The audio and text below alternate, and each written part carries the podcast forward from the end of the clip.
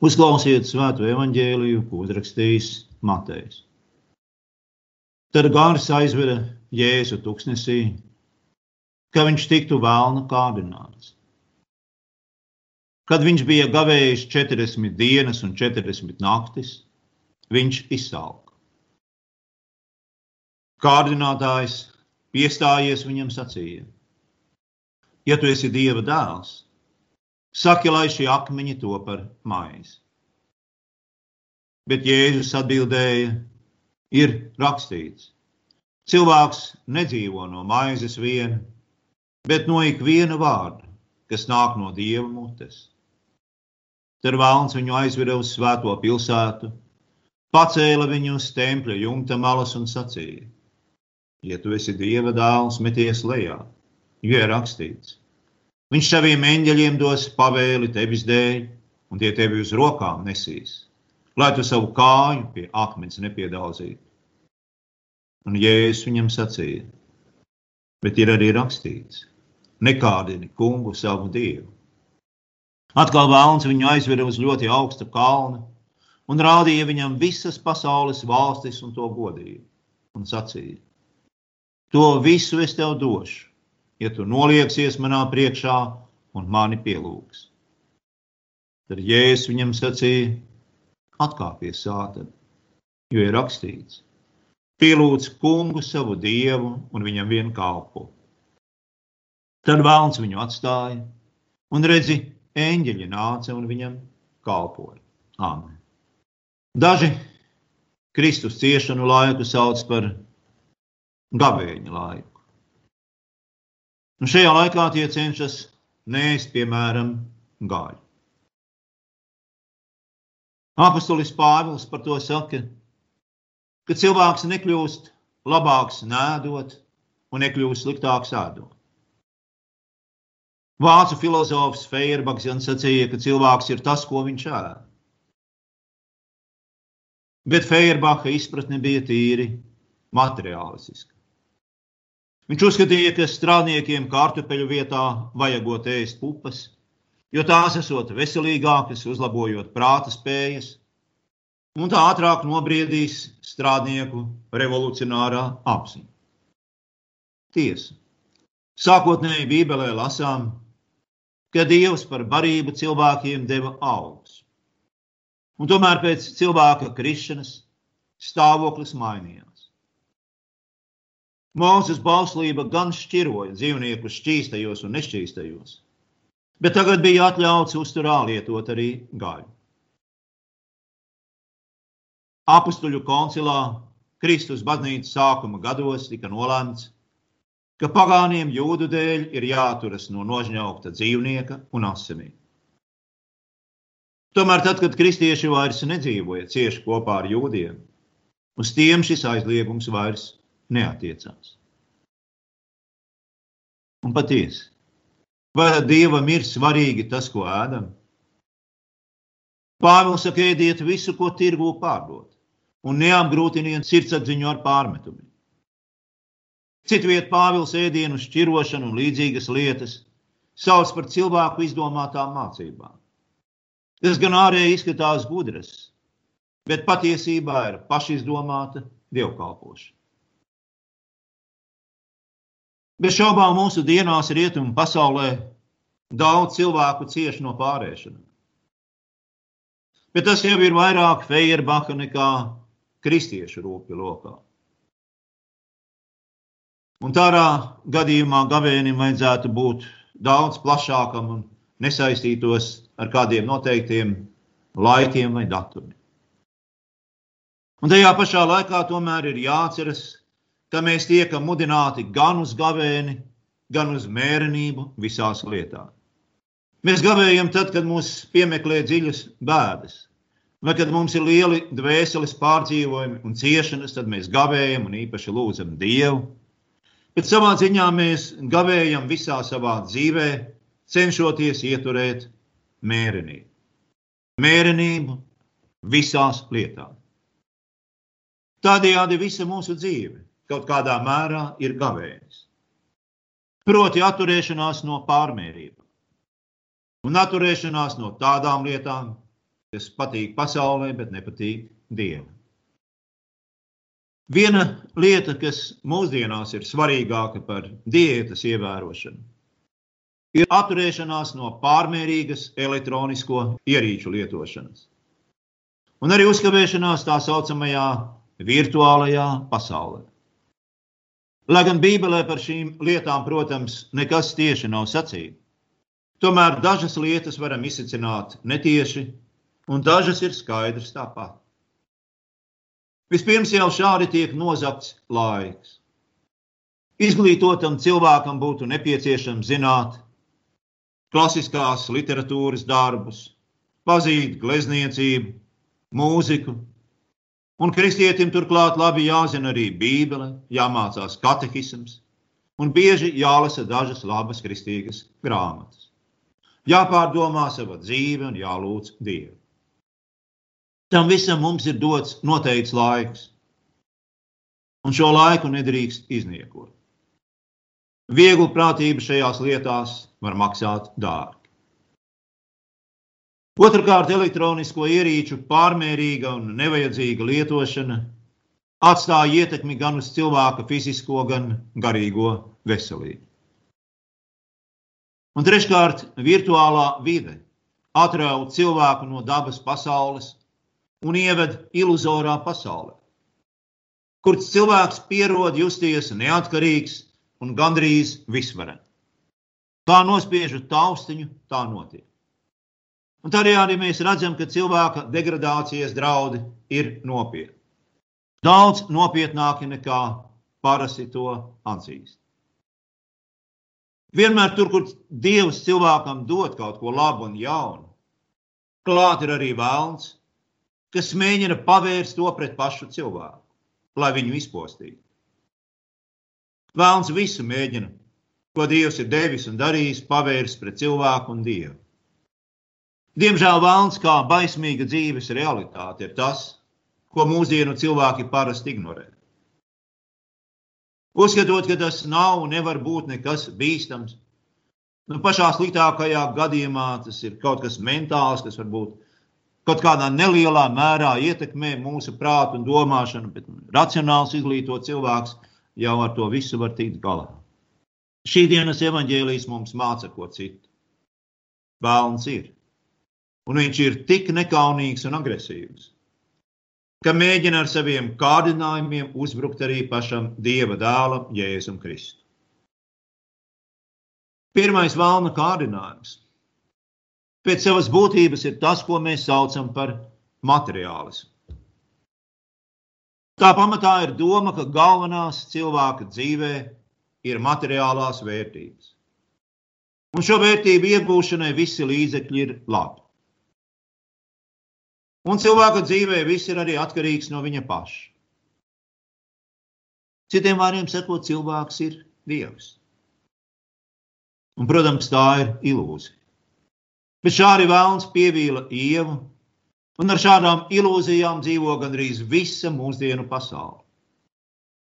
Uzņemdamies dieva lomu, beigu beigās cilvēks krīt depresijā un izmisumā, jo šī nasta viņam ir stipri par smagu. Un tomēr citādi cilvēks domāt un dzīvot nespēja. Apkārtējā pasaule darbojas pēc šādiem principiem, un, ja vēlamies tajā kaut kā dzīvot, mums tie šķietami neglābjami ir jāpieņem. Gribam to vai negribam. Tie ir vēlna melu valgi, ar kuriem viņš tur sasaistītu cilvēci. Iedvešotai domu, ka tā ir Dievs. Tātad pati atbild par visu, un pati arī nosaka visu. Pārts kontrolēt ir viens izcils un izcili dumšs mūsdienu vārds. Jo kas gan netiek kontrolēts un ko tik nekontrolē? Šo melu priekšā esam bezspēcīgi. Mūsu prāts kapitulē it kā vienkārša jautājuma priekšā, kā citādi tad, lai dzīvojam šajā pasaulē. Jēzus šo vēlna kārdinājumu atbild ar Dievu vārdu. Viņš nebēg no šīs pasaules, kā amīši vai vecicībnieki vai vēl kādi. Bet viņš atbild ar Dievu vārdu. Tas ir pietiekoši ierocis. Arī vienīgais ierocis. Mēs iepriekš lasījām, ka gars aizveda Jēzu tuksnesī. Tāpat pirms daudziem gadsimtiem tuksnesī tika aizvesta Izraēla tauta, lai tiktu tur pārbaudīta. Dievs neveda to tieši uzreiz uz apsolīto zemi, bet lika tai garus 40 gadus klejot tuksnesī. Lika tai zemoties un badoties tuksnesī, lai tā saprastu, ka no tās pašas nekas nav atkarīgs. Un tā Dievs to baroja ar mānu no debesīm. Lai cilvēks zinātu, ka viņš nedzīvo no maizes viena, bet no tā, kas nāk no Dieva. Ko Dievs saka un dod. Un Jēzus citē vēlnam šo vecā derības tekstu, un tā priekšā vēlns ir spiests atkāpties. Ja vēlns darbojas ar sagrozītu Dieva vārdu, tas ir viņa galvenais ierocis. Viņš ir mēlis, melu tēvs, absolūti meli nav iespēja, bet viņš sagroza patiesību, pieliekot tai klāt kaut ko savu. Un šo uzvaru Kristus izcīnīja mūsu vietā. Un viņš dod arī mums spēku pretoties vēlna kārdinājumu. Īsi sakot, tā ir atgriešanās no sākotnējā iedzimtā grēka. Atgriešanās no domas, ka varam dzīvot paši sev, būt neatkarīgi no dieva un būt savas dzīves noteicēji. Bet tiklīdz mēs sākam domāt šajā virzienā, tā mūsu kritušais prāts mūs paralizē ar eksistenciālām bailēm. Ar bailēm, ko ēdīšu, ko ģērbšu, kur dzīvošu. Un te mums ir viena vienīga atbilde. Cilvēks nedzīvo no maizes viena, bet no dieva vārda. Tik viena dieva vārda. Tālāk, vecajā derībā, Mozus māca un brīdina tautu šādi: Atceries to kungu, savu dievu, jo viņš dod tev spēku iemantot labklājību, piepildīdam savu derību, ko viņš zvērējis taviem tēviem kā šodien. Un ja tu kādreiz aizmirsīsi kungu, savu dievu, sakosi citiem dieviem, kalposi un zemosies tiem, tad šodien es liecinu, ka jūs ietin iesiet bojā. Kā tās tautas, ko tas kungs izdeldēja jūsu priekšā. Tieši tā arī jūs iesiet bojā, neklausīdami kungam savam dievam. Lai mazinātu mūsu pašapziņu un uzpūsto paļāvību pašiem uz sevi, Jēzus citviet mums jautā, Vai varat pagarināt savu mūžu? Nu, pat par īsu brīdi. Turpat viņš māca nezūdīties par laicīgām lietām, bet meklē Dievu valstību un viņa taisnību. Un viņš apsola, ka tad mums viss pārējais tiks vienkārši Dieva iedots. Viņa noliktā laikā pēc viņa ziņas, bet vienkārši iedots. Un pirms mēs šīs lietas nesaprotam, Un pirms mēs neusticamies Dievam, mēs nemaz neesam kristieši, lai ko paši par to domā. Un jāsaka, ka īpaši no šīm lietām cieš dievbijīgi un krietni ļaudis. Šīs pasaules palaidņi par to nedomā. Bet gudri un krietni ļaudis tiek vēlna mocīti ar domām, ka viņi ir atbildīgi par visu, kas notiek. Tie zina, ka nevar uz savu prātu paļauties, bet tomēr nemitīgi domā un kalkulē un rēķinā un spriež, kur atradīšu darbu, kā uzturēšu ģimeni, kas notiks ar baznīcu un tā tālāk. Un beigu beigās tiek arī depresijā un izmisumā. Jo ir grūti pamanīt, ka tā patiesībā ir materiālistiska domāšana, ko mēs visi esam iezīduši sev ar mātes pieredzi.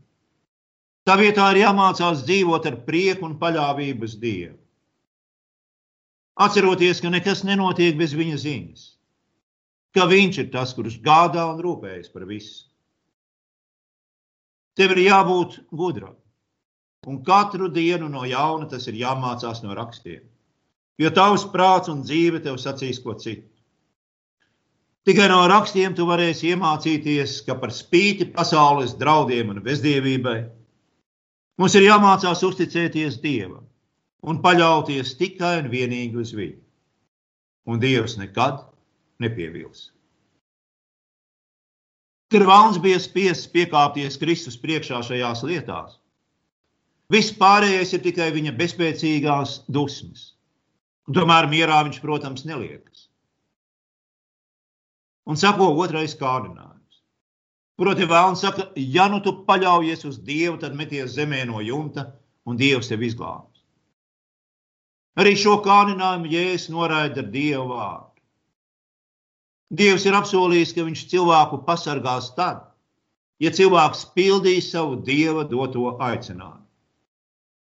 Ja Dievs tevi ir aicinājis dzīvot tēva un mātes, dēla un meitas aicinājumā, vīra un sievas aicinājumā, strādāt savā amatā, jeb profesijā, tad turies pie tā. Un tur tu piedzīvosi Dieva svētību un pasargājumu. Turpretī, tad, ja tu izvēlēsies pats savus ceļus, tad tā būs atklāta dieva kārdināšana. Īsi sakot, te mēs tiekam brīdināti no pārdrošības un pārgalvības, no paļaušanās uz savu prātu un savu gudrību.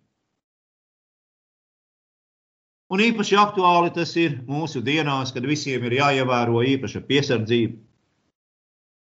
Mums katram ir jādara savs darbs, jāīsteno savs aicinājums, bet tas jādara bez augstprātīgas pārgalvības. Un jāvairās arī no visa liekā. Te nedrīkst izaicināt Dievu un domāt, nu šā vai tā viņš mani pasargā. Ir jābīstas no Dieva dusmām un bardzības, ar ko viņš pašreiz piemeklē pasauli. Un jāsargās no vēlna mudinājumiem uz pārdrošu rīcību. Trešais vēlna kārdinājums ir īpaši izmisīgs un nekaunīgs. Proti, viņš piedāvā cilvēka miesā nākušajam pasaules radītājam viņa paša radīto pasauli. Ja vien viņš metīsies vēlnu priekšā pie zemes un viņu pielūgs. Un tas ir mudinājums uz atklātu aldievību. Kristus to noraida vienkārši un skaidri. Un dara to atkal ar Dieva vārdu. Atkāpies sātani, jo ir rakstīts: pielūdz kungu savu dievu un viņam vien kalpo. Bez šaubām tas bija briesmīgs kārdinājums. Jo nav nekā nepatīkamāka cilvēka dabai par nabadzību, sevis aizliekšanu, ciešanām, kaunu un nāvi. Kārdinot Jēzu, Vēlns piedāvā viņam ne tikai neierobežotu varu un bagātību, bet arī cilvēku atzinību un cieņu. Proti, visu, ko vienkārši šajā pasaulē varētu vēlēties. Un, ja tev ir kaut kādas idejas, reliģiskas idejas, idejas par cilvēkiem, par pestīšanu, labi, pielūdz mani, un tad uz priekšu tev viss veiksies un viss izdosies, kā tu vēlēsies. Atbildot uz šo kārdinājumu, Jēzus pirmo reizi sauc vēlnu vārdu. Vārds sātans nozīmē dievu pretinieku.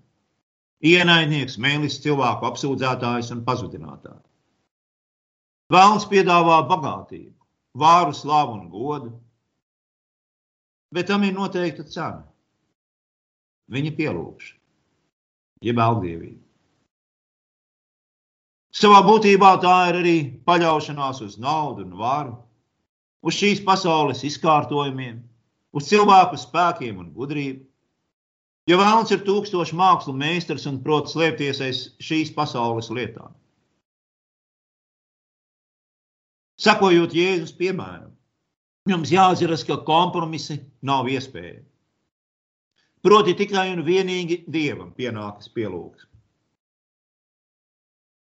Un tā var būt ļoti sāpīga izvēle. Un šāda izvēle, lūk, ir tas īstais gavēnis. Gavēnis, kuru mums māca raksti. Jēzus noraida visu, ko miesa varētu iekārot un kas varētu šķirt no debesu tēva. Bagātības, varas, pasaules goda un abrīnas vietā. Viņš izvēlas pilnīgu paklausību savam debesu tēvam. Kas tas ir, ko Jēzus izvēlas, noraidot vēlu? Viņš izvēlas krustu. Iepriekš vēlams viņam piedāvāja likt no baznīcas, no tempļa jumta, jo pēc leģendām varēja spriest, ka Mēsija parādīsies pēkšņi un negaidīti. Un tad, ja viņš parādītos šādā brīnumainā veidā, pārsteigtu visus cilvēkus, visi teiks, o, no debesīm nokrita mums Mēsija, nu mēs viņu pielūgsim un godāsim. Jēzus to norāda. Viņš izvēlas savu ceļu, krusta ceļu, kuru viņam ir paredzējis tēvs. Tāpat kā piemēra pēc Ābrahāms to darīja arī Īsā. Tur pie krusta notiks Jēzus beidzamā cīņa ar valnu un viņa vāru pār cilvēku. No Jēzus kārdināšanas tuksnesī mēs uzzinām, kurš būs šīs cīņas uzvarētājs. Tas, protams, ir Jēzus Kristus. Un kas ir pats brīnišķīgākais? Kopā ar viņu uzvarētāji esam arī mēs. Ja viņš necīnījās sevis dēļ, viņš tur cīnījās mūsu dēļ, mūsu vietā. Tūdaļ pēc kārdināšanas, kad vēlns bija spiests atkāpties, pie Jēzus steidzas eņģeļu pulki, lai palīdzētu un kalpotu noraidījis vēlna piedāvāto maizi, slavu un godu. Jēzus tomēr nepaliek tukšā. Viņš saņem to, ko savam paklausīgajam dēlam dod grib tēvs. Un tā beigsies arī tas, kas notiks pie krusta. Dievs neļauj savam taisnajam satrūdēt kapā, bet cels viņu augšā mūžīgai godpilnas dzīvei un valdīšanai. Šie un turpmākie vēlna kārdinājumi palīdzēja Jēzum sagatavoties šai pēdējai galvenajai cīņai pie krusta. Tā ar kārdinājumiem, kurus Dievs pieļāva, arī mēs tiekam sagatavoti un stiprināti tam, kas notiks tālāk mūsu dzīvē. Arī pandēmija, kuru piedzīvojam pašreiz, māca mums paļauties uz Dievu, un gatavoties tiem lielajiem pārbaudījumiem, kuri raksturo pēdējos laikus. Pēdējie laiki jau ir sākušies līdz ar Kristus nākšanu, bet pasaulē tuvojoties beigām, tie kļūs ar vien intensīvāki un spēcīgāki un briesmīgāki. Pasaules mēroga sārgas ir viena no pēdējo laiku zīmēm, ko min pats Kristus. Un tagad arī mūsu paudze ir jāmācās Jāmācās, kā šādos laikos pastāvēt pie Dieva vārda un noslēpuma. Kā dzīvot baznīcā. Mums ir dots laiks, mums ir dots pārbaudījums, mums ir iespēja sagatavoties nākotnē. Vai arī vienkārši izšķies šo laiku, kā tas parasti ir ticis darīts. Jēzus kārdinājumos iezīmējas trīs lietas. Viņš saka, ka sārgām parasti sako bats, un arī baznīca var to piedzīvot. Un tad mums ir jāatceras, ka mūsu galvenā maize, maize, no kuras dzīvojam, ir Dieva vārds. Mēs nevaram atteikties no Dieva vārda maizes dēļ. Pats briesmīgākais bats ir Dieva vārda bats. Situācija, kad varētu nebūt vairs dzirdama Dieva vārda sludināšana. Tas būtu nāvējošs un pazudinošs bats. Un mēs katekismā katru dienu mācāmies lūgt, lai Dievs nepieļauj tādu kārdinājumu, kura priekšā mēs nevarētu pastāvēt. Tas ir tas, ka mēs lūdzam, lai Dieva vārds ir ikdienas kopā ar mums, lai mēs dzirdam un paturam Dieva vārda sludināšanu, ar ko Dievs salauž vēlna prātu un vēlna ceļus mūsu dzīvē un paver mums pats savus ceļus. Sargājot un uzturot mūs un vadot mūs uz mūsu dzīves piepildījumu. Otra lieta ir pārgalvīga viltus drosme un dieva izaicināšana. Kā arī viltus praviešu darbība, kas mudinās dievu ļaudis uz šādām lietām. Kristus saka, ka viņa atnākšanas laikā Cilvēki būs pārgalvīgi un nenāks pie saprašanas. Pēteris papildina to, ka šie cilvēki būs zaimotāji un izņirdzēji. Tie nebīsies no dieva soda. Un treškārt, ja es saku, ka pirms viņa atnākšanas būs tieši tāpat kā Noās dienās. Cilvēki rīs un plītēs, meklēs pasaules priekus un godību. Tas ir, viņi negrasīsies mainīt savus ļaunos ceļus un savu prātu. Un kristiešiem šajos laikos būs grūti. Bet tieši kristiešu dēļ Dievs apsola šo piemeklējumu laiku saīsināt. Citādi neviens neizglābtos. Tātad baznīcai šais laikos ir jāmācās būt īpaši savaldīgai, modrai un skaidrā prātā. Zinot, ka vēlnam nav daudz laika atlicis, un viņš trako savās bezspēcīgajās dusmās. Lūk, tas lai ir mūsu gavēnis. Gavēnis, ka paliekam lūkšanās pie Dieva vārda. Lai Dievs mūs sargā un uztur, ka vēlns pasaule un mūsu miesa mūs nepievīd. Nedzievat neticībā, izmisumā, vai arī citā kaunā un netikumā. Un kaut arī vēlns mums mūžīgi uzmācas, mēs tomēr beigās uzvaram un virsroku paturam kopā ar savu mīļo kungu Jēzu Kristu. Āmen!